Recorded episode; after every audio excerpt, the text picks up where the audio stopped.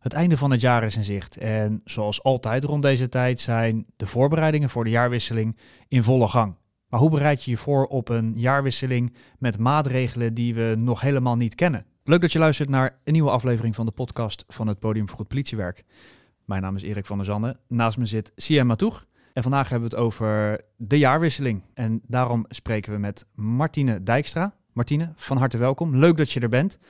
Zou je willen beginnen met je voor te stellen aan de luisteraars? Ja, tuurlijk, dankjewel. Je zei het al, Martine Dijkstra. Ik ben in het dagelijks leven sectorhoofd van de DROK, dat is de politiemeldkamer, en tevens hoofd van de gemeenschappelijke meldkamer politie, brandweer en ambulance in Den Haag. En ik zit hier vanwege mijn rol als algemeen commandant van het uh, SGBO. En dat moet ik even uitleggen. Het structuur grootschalig en bijzonder optreden. Als er grote demonstraties, evenementen of crisissen zijn, dan hebben we een soort uh, nevenfunctie waarbij je dan uh, de organisatie doet voor de hele eenheid. Voor de jaarwisseling. Dus wij zijn al sinds uh, uh, april bezig met een team om de jaarwisseling voor de eenheid Den Haag voor te bereiden. En wij ondersteunen daarbij de bureaus, de districten die in een TDA, een teamdistrictelijke aanpak, verantwoordelijk zijn voor de oud en nieuw. Vanaf april bezig met de voorbereidingen? Jazeker, ja. Wat kan ik me daarbij voorstellen? We nemen altijd de ervaringen van het jaar daarvoor over. En dan kijken wat is er goed gegaan, wat is er niet goed gegaan. En oud en nieuw, dit jaar loopt het natuurlijk helemaal anders. Dus al onze voorbereidingen die we hadden in de zomer, die zijn eigenlijk weer helemaal omgedraaid de afgelopen maand. Maar normaal gesproken probeer je echt voor te bouwen op, uh, nou ja, op een stukje verbinding met de wijk, uh, voorbereidingen met feesten. Uh, moeten vergunningen aangevraagd worden als er vuren afgestoken wilden worden. En dat heeft allemaal al zijn, zijn voorbereidingstijd nodig, want wij moeten beleidskaders maken waar dat binnen past, die weer zijn aangepast van de ervaring van het jaar daarvoor. Dus we zijn eigenlijk al druk bezig hoe is het vorig jaar gegaan, wat ging er goed, wat ging er niet goed, wat moet er aangepast worden, wat moet naar gemeente toe, wat moeten we met het OM afstemmen. Uh, dus we hadden eigenlijk al een heleboel klaar voor de zomer. En uh, we dachten, nou, dit wordt een hele rustige jaarwisseling, want de vuren mogen weer. Uh, Covid was toch eigenlijk weer op zijn retour, dus we dachten, nou ja, appeltje, eitje. Maar dat is toch wel iets anders gegaan de afgelopen periode. En die tweede golf COVID heeft gewoon heel veel veroorzaakt, ook in de, de aanpak van oud en nieuw. En dat zie je gewoon terug nu in de onrust die er is en hoe druk het is deze afgelopen periode. Dus wij moesten even onze plannen wel flink uh, op zijn kop zetten. Afgelopen maandag zijn er wederom maatregelen aangekondigd. We zijn eigenlijk voor het eerst zijn we in een volledige lockdown uh, terechtgekomen. Hoe kun je nu als SGBO je voorbereiden op een jaarwisseling als continu de omstandigheden veranderen? Daar word je gelukkig wel in getraind in een uh, SGBO-training, dat je continu in een crisis ook denkt van hé, hey, wat gebeurt er? En wat bedreigt ons en hoe erg is dat? Dus daar doe je een soort risicotaxatie en welke maatregelen moeten we nemen? Uh, we gebruiken daar de afkorting GOGME voor, zeg maar. Uh, gebeurtenis, oorzaak, gevolg, uh, maatregelen en effect gaan kijken. Wat betekent iets nou en wat kun je daaraan doen en welke maatregelen kunnen effect hebben? En elke keer ga je zo in scenario's denken. Dus we proberen ook vooruit te denken. Alleen wij hadden in mei niet gedacht dat wij een lockdown zouden hebben in december. Dus dat moesten toch wel flink bijstellen. En met alle uh, scenario's die je bedenkt, heb je dan eigenlijk een best case, een realistic case en een worst case. En dat hebben we nu ook wel weer bijgesteld naar inderdaad de lockdown die misschien zou komen met een avondklok. Dat is echt onze worst case. Want dat wil je gewoon niet met oud en want dat betekent dat je ontzettend veel gedoe gaat krijgen en verzet. Al die scenario's hebben we telkens doorgenomen met alles wat er gebeurt. Daar word je in getraind. Alleen de buitenwereld is wel heel erg veranderd uh, de afgelopen maand wat ik ook wel eens uh, hoor en lees, is dat er wordt aangegeven, joh, die maatregelen met betrekking tot corona worden bewust ingezet, zodat we zometeen uh, een vuurwerkverbod krijgen ook voor het komende jaar. Dat ze dan zeggen, joh, maar in 2020 is het ook goed gegaan, hè? oud en nieuw zonder vuurwerk. Hoe kijk jij daar tegenaan? Ja, dat zijn natuurlijk de complotdenkers en die hebben we nu eenmaal. Maar ik hoop toch echt dat ze inzien dat we de afgelopen twintig jaren zijn we heel druk bezig geweest om dingen te organiseren samen met gemeenten. Om nou, dingen juist voor jeugd te organiseren, dat het een leuk feest gaat worden in plaats van dat het een rommel uh, is. En dat is eigenlijk in de, nou, tot twee jaar geleden hartstikke goed gegaan. En uh, de, het werd alleen iets te goed, die vuren in Scheveningen, die werden te groot. En die hebben twee jaar geleden tot heel veel uh, ellende geleid met die, met die vuurtornado's en de, de, de vonkenregen in Scheveningen, waardoor dat over was.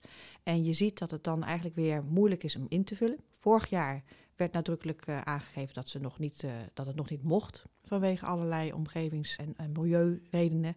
Dit jaar was het wel voor elkaar. Dus het leek er echt op dat het mocht. Ja, dat is gewoon geen complot. Uh, er zit echt helemaal niks achter.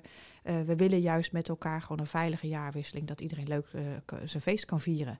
En het vuurwerkverbod wat erbij is gekomen, ja, dat is best even lastig voor ons als politie, want we krijgen er weer iets bij wat we moeten hanteren. Maar daar moet ook reëel in zijn. Onze korpschef Henk van Essen zegt dat ook. Het vuurwerkverbod is ervoor om de zorg te ontlasten. Om te zorgen dat er minder mensen het ziekenhuis komen. Niet dat de politie meer moet gaan verbaliseren.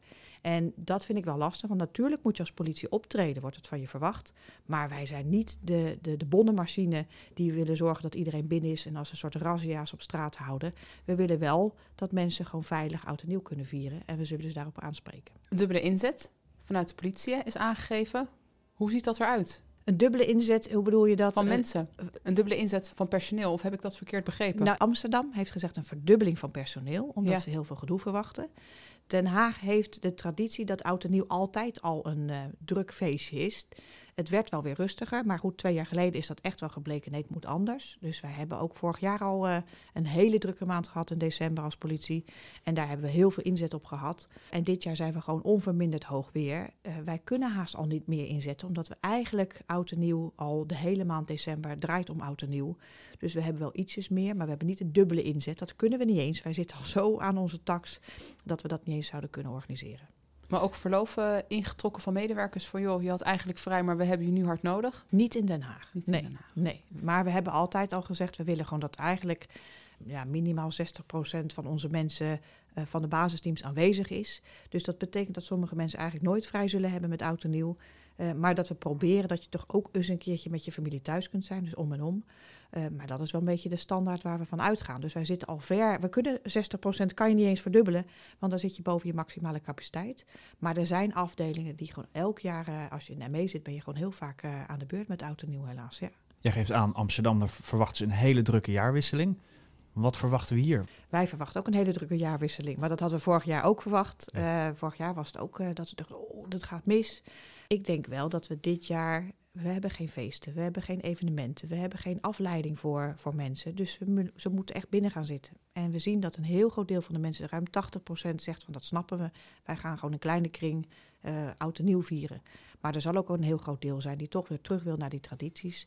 En we verwachten gewoon eigenlijk veel meer mensen op straat. Want er is niks anders waar je naartoe kunt. Je kunt niks leuks doen. Je kan niet naar een feest. Je kan niet naar de bioscoop. Je kan niks. Dus ja, er zal ook gewoon heel veel jeugd op straat hangen. En daarmee verwachten we gewoon veel meer roepen op straat. Veel meer vuurwerk. Veel meer vuurtjes. Terwijl we eigenlijk dat juist met vuurwerkverbod niet willen. Maar probeer als politie maar eens een keertje op elke straathoek te staan. Dat gaat je gewoon niet lukken. Dus we gaan ervan uit dat er gewoon eh, toch wel veel meer schade zal zijn als de jaren daarvoor. Aan de andere kant, we moeten er ook van uitgaan dat mensen toch wel snappen, en dat zie je toch eigenlijk de laatste tijd ook wel, dat alle heftige maatregelen die zijn afgekondigd, toch eigenlijk door heel veel mensen gewoon gevolgd worden. En dat iedereen er het beste van probeert te maken. En eh, de ziekenhuizen zitten vol. Dus ook vanuit de, de zorgkant wordt er heel erg geroepen: mensen blijf binnen, zorg dat je gewoon veilig bent. Want we kunnen niet nog meer zieken hebben. En ik hoop toch ook dat dat zal doorklinken en dat mensen zullen beseffen dat juist het bij elkaar drommen en ongelukken met vuurwerk en vuur gewoon ons echt niet gaan helpen. Want de ziekenhuizen zitten vol. En daar moeten we ook echt rekening mee houden dat we hen niet overbelasten. Want ja, als je gewoon eh, drie vingers kwijtraakt, dan ben je niet aan de beurt. Want er staan gewoon al eh, genoeg mensen voor je in de rij. Dus eh, vuurwerk afsteken in je achtertuin is ook verboden. Er is vuurwerk, hè? Het, het zogenaamde kindervuurwerk, wat, wat mag. Eh, dus het is niet dat alle vuurwerk is, af, is verboden. Er zijn bepaalde categorieën verboden. Dus de grote vuur, vuurpijlen en de, de duizendklappers, die zijn verboden. Maar je mag best met een sterretje in je achtertuin staan. Dat, eh, dat kan nog wel. Het zogenaamde categorie 1 vuurwerk. Categorie 1 Ja, vuurwerk, ja, klopt, ja. ja. Henk van Essen die heeft gezegd, we zijn geen bonnenmachine zo rond de jaarwisseling, geen bonnenmachine voor, eh, eh, voor vuurwerk. Nou, het Eh, gaat er vooral om, hij zei vooral, het vuurwerkverbod is voor de zorg te ontlasten. Ja, precies. ontzorgen van de zorg. Hoe, hoe vind jij dat collega's ermee om moeten gaan op het moment dat er toch op grote schaal vuurwerk wordt afgestoken met de jaarwisseling? Wat belangrijk is, we hebben een aantal prioriteiten. En de eerste prioriteit is veiligheid van hulpverleners. Want als je hulpverleners beschermt, die redden weer het leven van anderen. Een brandweerman kan weer het leven redden van heel veel burgers. Dus dat is al onze eerste prioriteit. De tweede prioriteit is de veiligheid van mensen algemeen. Geweld tegen mensen of veiligheid door brand, et cetera. De derde prioriteit die we hebben is de openbare orde. Dat zijn de brandstichtingen, de relletjes en dat soort zaken. En de vierde prioriteit, dan pas, komt corona. En op de vijfde prioriteit eh, het vuurwerk, het vuurwerkverbod. Dat wil niet zeggen dat het gaat om nitraatbommen en, en dat soort... Want dan kom je weer in de veiligheid van mensen terecht. Dus dat prioriteit 1 en 2. dat je moet altijd nadenken, wat gebeurt er als ik nu ga optreden? En stel je voor dat je voor een aantal jongeren bij elkaar oké, ze zitten bij elkaar en er wordt vuurwerk afgestoken. Maar als je dan uh, daar naartoe zou gaan en je gaat er wat van zeggen, moet je nadenken: wat is, het, wat is de consequentie, wat is het gevolg, het effect van mijn handelen? Daar moet je over nadenken. En als dan het effect zou zijn, je schat dat zo in omdat je de, jongeren kent, maar dat een, dat een, een bondenmachine de oplossing zal zijn omdat het dan stopt, dan moet je dat zeker doen. Maar als je denkt, nou, ik kan beter een waarschuwing geven of het gesprek goed aangaan en dat werkt beter, dan is dat vooral het middel wat je moet inzetten. Wat wel zo is op het moment dat het echt gaat over veiligheid, en we hebben het gewoon over explosieven, als het gaat over vuurwerk waarmee gekunsteld wordt, dan mag je dat ook zien als een explosief. Dan mag je ook best fel optreden. Maar let op je eigen veiligheid, want we hebben iedereen nodig, dus je moet ook weer veilig binnen kunnen komen. Denk vooral na, wat is er aan de hand? Welk effect is er? Nou, dat kom je weer op dat gochme weer. Maar dat je ook nadenkt, wat, wat als ik ga handelen, wat gebeurt er dan? Want je wilt ook niet de vonk zijn waardoor het dynamiet gaat ontploffen. Dus daar moet je ook goed op letten dat je niet ernstige dingen over je heen gaat krijgen, waardoor je weer nou, collega's, assistentiecollega moet hebben, ME inzet moet hebben. En dat moet je afwegen, wat gebeurt hier nou, wat gaande is. Want we hebben gewoon 2 tot 3000 meldingen in die dag of in die nacht. Zo dan. Dus het is ontzettend veel. En uh, dat wil zeggen dat de capaciteit dus gewoon overal hard nodig is. En dat je dus gewoon goed moet nadenken, wat is nou prioriteit voor mij vandaag? En onthoud het, hè. Eén is echt hulpverleners. Twee, algemene mensenveiligheid. Drie, openbare orde. Vier, covid. En vijf is het vuurwerkverbod. En we proberen wel aan de voorkant zoveel mogelijk nitraatbommen en alles weg te nemen, zodat we dat niet hebben.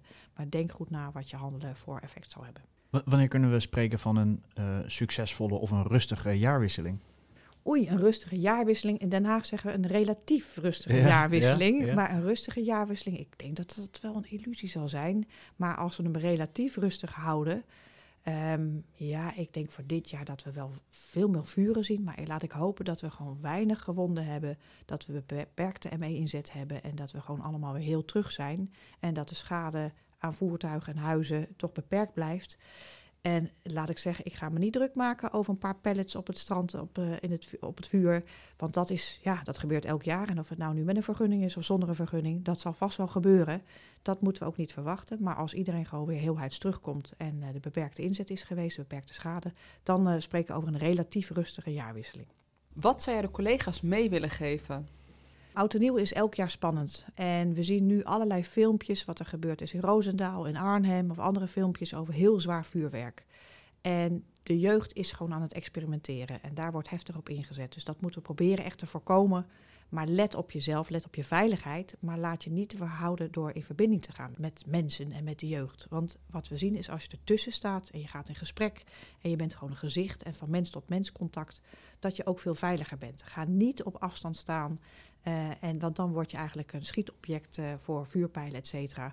Wij hopen gewoon dat iedereen uh, de nieuwjaarsdag veilig kan halen en dat iedereen weer veilig terugkomt. En dat kan denk ik het beste door goed in verbinding staan, te praten met mensen en uit te gaan van het goede contact. Want dan word je uiteindelijk ook veiliger. Dus wees niet bang om ertussen te staan. Wees niet bang om in verbinding te gaan. We hebben ontzettend veel georganiseerd. Alles staat klaar. Maar ja, het is juist aan de collega's om uh, dat contact te maken. En daar waar nodig, als het gaat over extreem zwaar vuurwerk, hebben wij onze maatregelen. En dan komen echt de zware jongens om ons te helpen. Dus die staan in klaar. Maar voor de collega's die uh, in de frontlijn staan, heel veel succes. Het wordt best pittig. Maar ga er gewoon tussen staan. Ga het gesprek ook aan. Dat is toch de verbinding die het maakt. Deze podcast is ook uh, te beluisteren voor mensen buiten de politieorganisatie. Wat zou je hen als boodschap mee willen geven?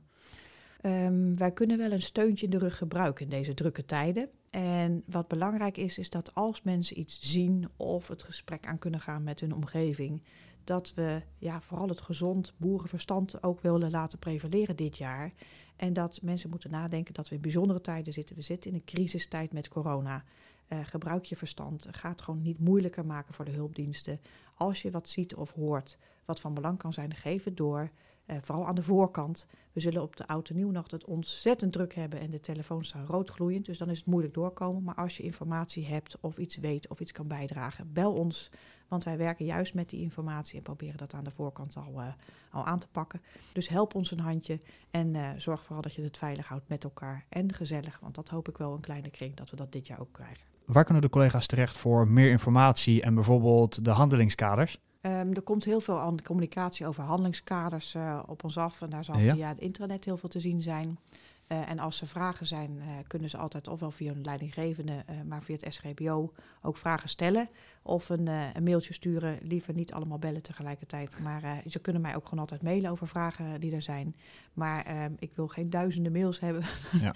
kan Ja. ik mijn werk voor oud en nieuw niet doen. Maar als er eh, belangrijke dingen zijn, willen we als SGBO altijd komen uitleggen. Weet wel, wij zijn ondersteunend. Hè. De basisteams, daar ligt echt de verantwoordelijkheid om het in eerste instantie gewoon op te pakken. Dus daar kan die vraag ook gewoon teruggelegd worden.